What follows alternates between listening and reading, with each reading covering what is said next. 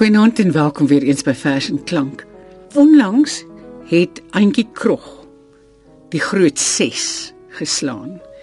En Antjie is so 'n stewige deel van Fashion Klank dat ek besluit het ek wil graag 'n hele program aan haar werk wy, maar sonder haar die keer. Ek het toe vir Louise Viljoen, kenner van die Afrikaanse poësie, gevra asseblief stel vir my die program saam en praat vir ons 'n klein bietjie oor die gedigte en sy sit vanaand by ons. Baie welkom Louise. Dankie Marga. Waarmee gaan ons begin? Ek dink ons begin met 'n gedig uit haar eerste bundel. 'n uh, Dogter van Jefta wat in 1970 gepubliseer is toe sy maar 17 jaar oud was. Die bundel het groot opspraak verwek vanweë die vrymoedigheid waarmee sy as skooldogter oor onderwerpe soos die liefde, die politiek en die vroulike liggaam geskryf het. En hier is die titelgedig uit die bundel. Ek gaan vir Johnny kom bring vra om vir ons die gedigte te lees. Asseblief Johnny. Here by Abel Keramim. Here by Mispa en Gilead. Here God van Jefta, hier is my liggaam. Hier is my vlies, veilig soos 'n retina en heel soos 'n groen granaatjie.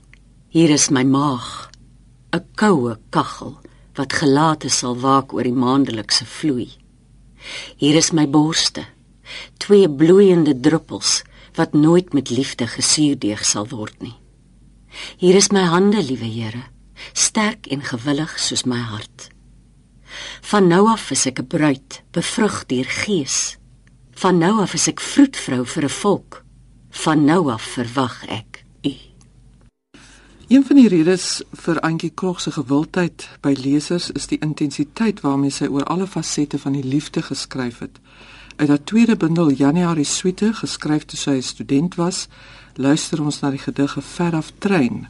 Daarna volg die gedig Huwelikslied 3 wat staan in haar jongste bundel vir weerskrif en vertel van die duursaamheid van die liefde na 30 jaar van getroude lewe. Maar ons luister eers na 'n Ver af trein. Jy roep vanaand na my deur die skie skemer met die onrus van 'n broei skiewiet Jy tel my op die berggroen skoppelmaaie van jou oë, half kind aan jou voorvinger met stories in linte. Half groot mens met die bruil van my liggaam onder jou hande.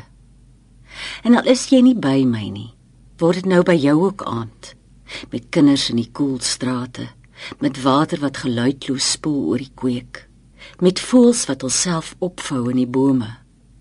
Al is jy nie by my nie, is ek bewus van ons verbintenis, soos van blomme wat bloei in die skemer.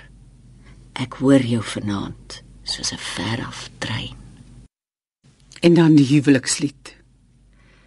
Om aan jou te dink toe jy jonk was, en alles aan jou onbekend.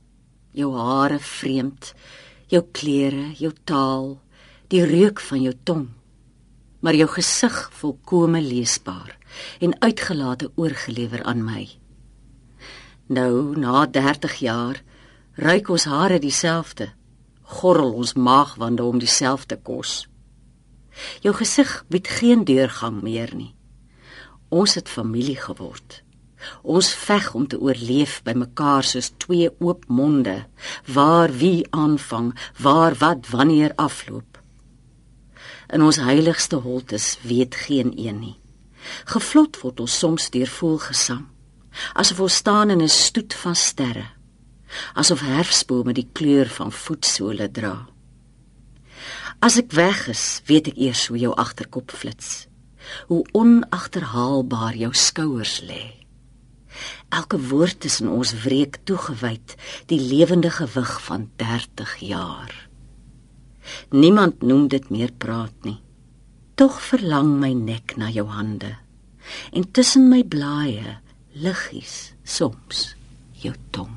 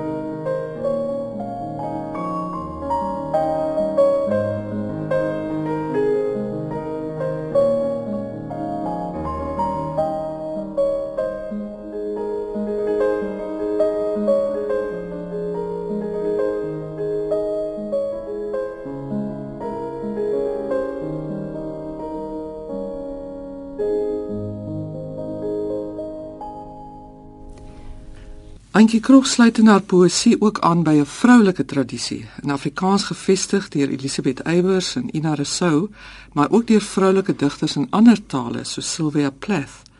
Soos hulle toon sy dat dit moontlik is om belangrike poësie te skryf oor sogenaamd huislike onderwerpe soos die geboorte en grootmaak van kinders. Uit haar bundel Otters in Bronslaai van 1981 luister ons na die gedig By die geboorte van my kinders en die lees van Sylvia Plath. Wie is hierdie woedende seentjie wat uitvlieg met gille aan sy skouers? Wat sy besmeerde armpies uitgooi na buite? Wie se bekkie kraak van skreeu? Wat het my hande gedoen voor ek hom vasgehou het? Wat het my mond gedoen voor hierdie teerheid? Hy draai na my soos 'n hongerige helder plantjie. Sy neus maak 'n duitjie in my bors wat na die eerste suig skiet gee en sag word soos 'n diertjie wat die gesiggie oorvloei met melk. Wie is hierdie vreeslike dogtertjie? Haar rooi gesiggie geskroef om elke gil. Trane spat van haar woedende wangetjies, haar vuiste trippel beskuldigend oor die vloer. Waarom is hulle so kwaai? Waarom is hulle klanke so helder? So vol protes hulle vloeiende blou oogies. In die gedempte babakamer lê hulle in een se PAO kleertjies. Hulle gewrigte reeds geknel met name. Hulle ooglede lê deurskynend soos roosblare. Hulle asems ritsel sag soos motte. Wat anders kan ek doen as bid dat hulle nooit buitengewoon sal wees nie. Dat hulle eenvoudig sal lief hê en onbevange sal leef. Dat hulle my sal onthou soos 'n warm heuwel en hoe lief my hande was vir elke gladde ronding van hulle lyfies. In haar jongste bundel tot op datum vir weerskrif skryf Krog ook oor die ervaring van ouma wees. Die gedig by jou vertrek handel oor die verwydering wat daar ontstaan wanneer 'n klein kind na die egskeiding van haar ouers in 'n ander land gaan woon. Jy vertrek môre saam met jou ma na Israel vir goed. As ons mekaar oor 'n jaar sien, praat jy slegs Hebreëus. Vir my hartskerp herinnering waarin jy lig en liefs met stingeldun enkels en linte van my glip. Sal ons geen enkele woord gesamentlik wakker vind. Spraakloos sal ons mekaar aanstaar. In jou voorgeskiedenis skeur 'n mens klere en werp as op die hoof. Ek bloei uit my malt. As vroulike digter worstel Krog dikwels in haar werk met die spanning tussen haar verantwoordelikheid teenoor haar gesin en die toewyding aan haar poësie. Ten spyte van die intense band met haar familie, beskryf talle gedigte die unieke soort geluk en vryheid wat sy ervaar wanneer sy skryf. Hiervan is die gedig Vanoggend kon ek 'n gedig daaroor maak uit haar bundel Jerusalemgangers van 1985 voorbeeld. Vanoggend kon ek 'n gedig daaroor maak, iets afrond. Met die opstaan by die lesenaar oorval 'n loslittige geluk my. Dis asof ek terselfdertyd in vlerke gehul is van nuwe krakerige vere. Niemand kan my nakom nie. Asof ek weefsel helder sien my mooi koel huis waar deur Lamento di Federico uitvloei tot in die tuin vol blomme en voels. Ek baai my in die woorde. Ek kan weer my liggaam bewoon. My gesin omhels en lief hê. Ek is versoen. Ek is nie een van hulle nie. Hulle drome en behoeftes gaan my nie aan nie. Ek speel die spel met woorde, ontsnap orden verbind spring heel kol vernietig. Die gedig maak vry. Ek steek my hand uit na die gloed rondom my. So sag so lig. Die foon lui vir 'n kinderparty. Die kinders storm soos bokke op my af. Ek soen hulle streel hulle. In ver oor die uitgestrekte mielieland tuimel 'n valkie speels tussen vleiende mure wat brand soos engele.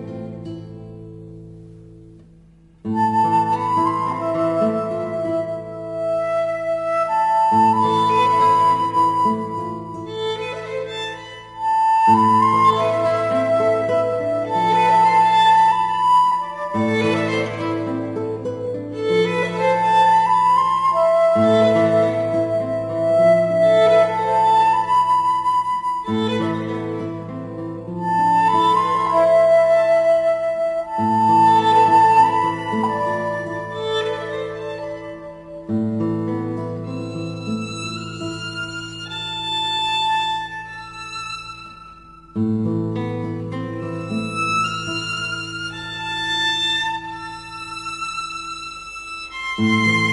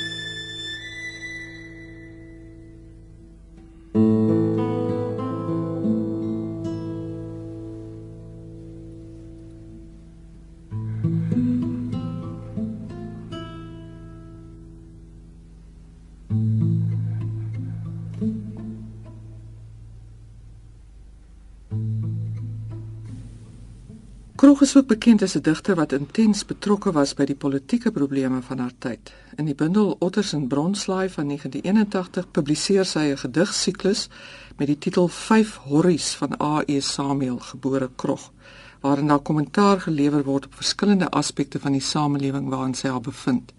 Die 5de gedig in hierdie siklus het die titel Visioen van 'n lesenaar en gee 'n byna surrealistiese beeld van die drif onderliggend aan haar poësie visioen van 'n lesenaar. Die lesenaar is warm en bloederig soos 'n pasgeslagte karkas. Uit die laaie drup deurskynende sinoviale vog. Die stoel teen my rug word groot en pulp, begin klop en kwak soos 'n padda. Die klere aan my lyf word lewendig, begin roer soos slange en asemhaal soos visse.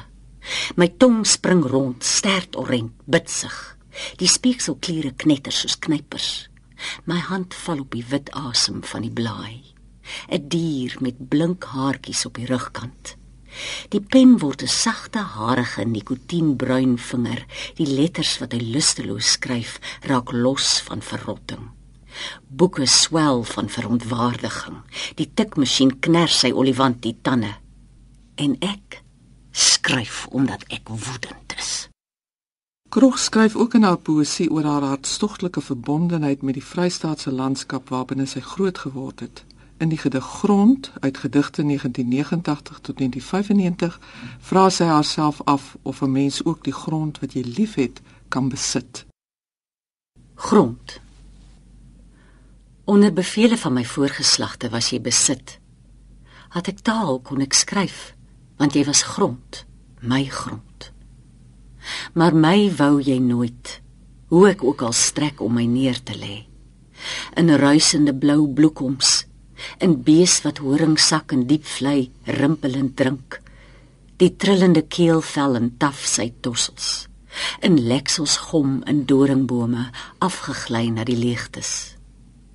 My wou jy nooit my verduur kon jy nooit Keer op keer skud jy my af, rol jy my uit grond. Ek word langsam naamloos in die mond. Nou word geveg om jou, beding, verdeel, verkamp, verkoop, versteel, verpand. Ek wil ondergronds gaan met jou grond. Grond wat my nie wou hê nie. Grond wat nooit aan my behoort het nie. Grond wat ek vergeefser as vroeër liefhet. Die bundel Kleur kom nooit alleen nie van 2000 vertolk op verskillende maniere Krog se ervaring van Suid-Afrika na 1994. Dit bevat onder andere 'n siklus gedigte getitel Land van Genade en Verdriet, geskryf na aanleiding van haar ervaring van die Waarheids- en Versoeningskommissie. Die gedig van wie die verhale van die verwondes uit hierdie siklus is ook gebruik as die slot vir haar internasionaal bekende boek Country of My Skull. Ons het vanaand geluister na verse van Antjie Krog met aantekeninge deur Louise Viljoen en Johnny Combrink het vir ons die gedigte gelees. Ons gaan afsluit met Antjie Krog se van weer die verhale van verwondes. Van weer die verhale van verwondes lê die land nie meer tussen ons nie, maar binne-in. Sy haal asem gekalmeer na die litteken aan haar wonderbaarlike keel. In die wieg van my skedel sing dit ontbrand dit. My tong, my binneste oor, die gaping van my hart sidder vorentoe na die buitelyn van 'n woordeskat nuut en sag intieme keelklanke. Van my siel leer die retina oopgaan daagliks. 'n Duisend woorde skroei my tot 'n nuwe tong. Ek is vir altyd verander. Ek wil sê, vergewe my. Vergewe my. Vergewe my jy wat ek veronreg het Asseblief neem my met jou saam.